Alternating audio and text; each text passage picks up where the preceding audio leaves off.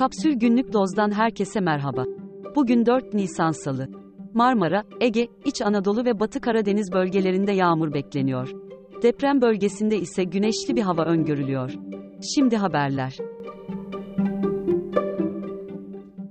Türkiye'de son 20 yılda kullanım amacı dışına çıkarılan tarım alanı yaklaşık 3 milyon hektar oldu.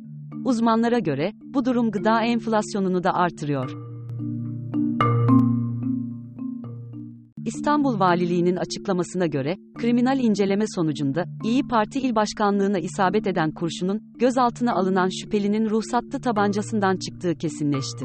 Olaydan sonra gözaltına alınan 39 yaşındaki inşaat bekçisi M.E. ifadesinde, inşaata gelen hırsızları korkutmak için havaya ateş ettiğini söylemiş ve serbest bırakılmıştı.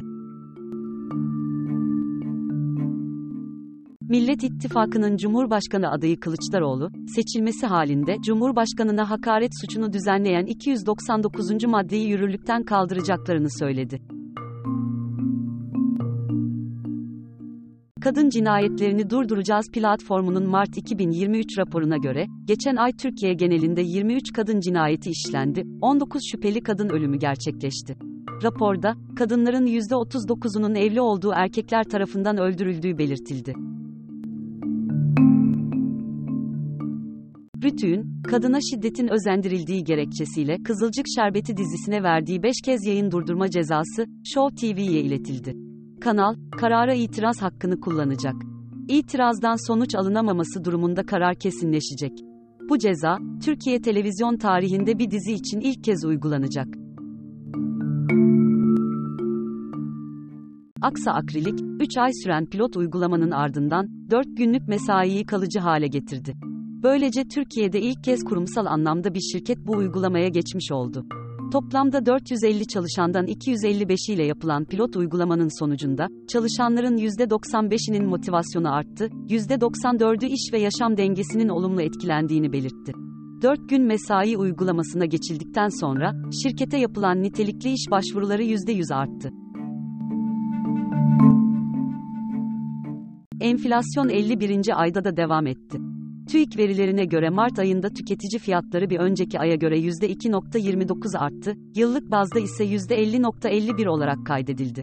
Ana harcama grupları itibariyle en yüksek artış aylık bazda eğitimde olurken, yıllık bazda %70 ile lokanta ve otellerde yaşandı. Şimdi dünyadan haberler.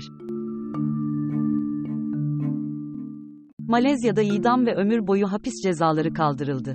Parlamentonun kabul ettiği yargı reformunda, idam cezasına alternatif olarak kırbaçlama ve 30 ila 40 yıl arasında hapis cezası öngörülüyor. İngiltere'de hükümetin %4.3'lük zam teklifini reddeden öğretmenlerin, 27 Nisan ve 2 Mayıs tarihlerinde greve gitmesi bekleniyor.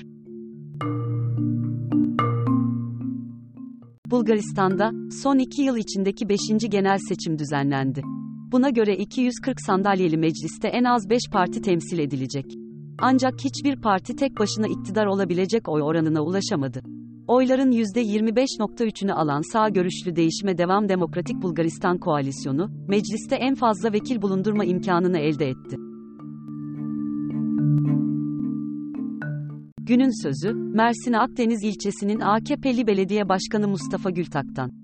Gültak, belediyenin özel kalem müdürünün bir çalışana uyguladığı şiddeti haberleştiren gazeteci Muharrem Çağatay'ı, meclis toplantısında hedef aldı.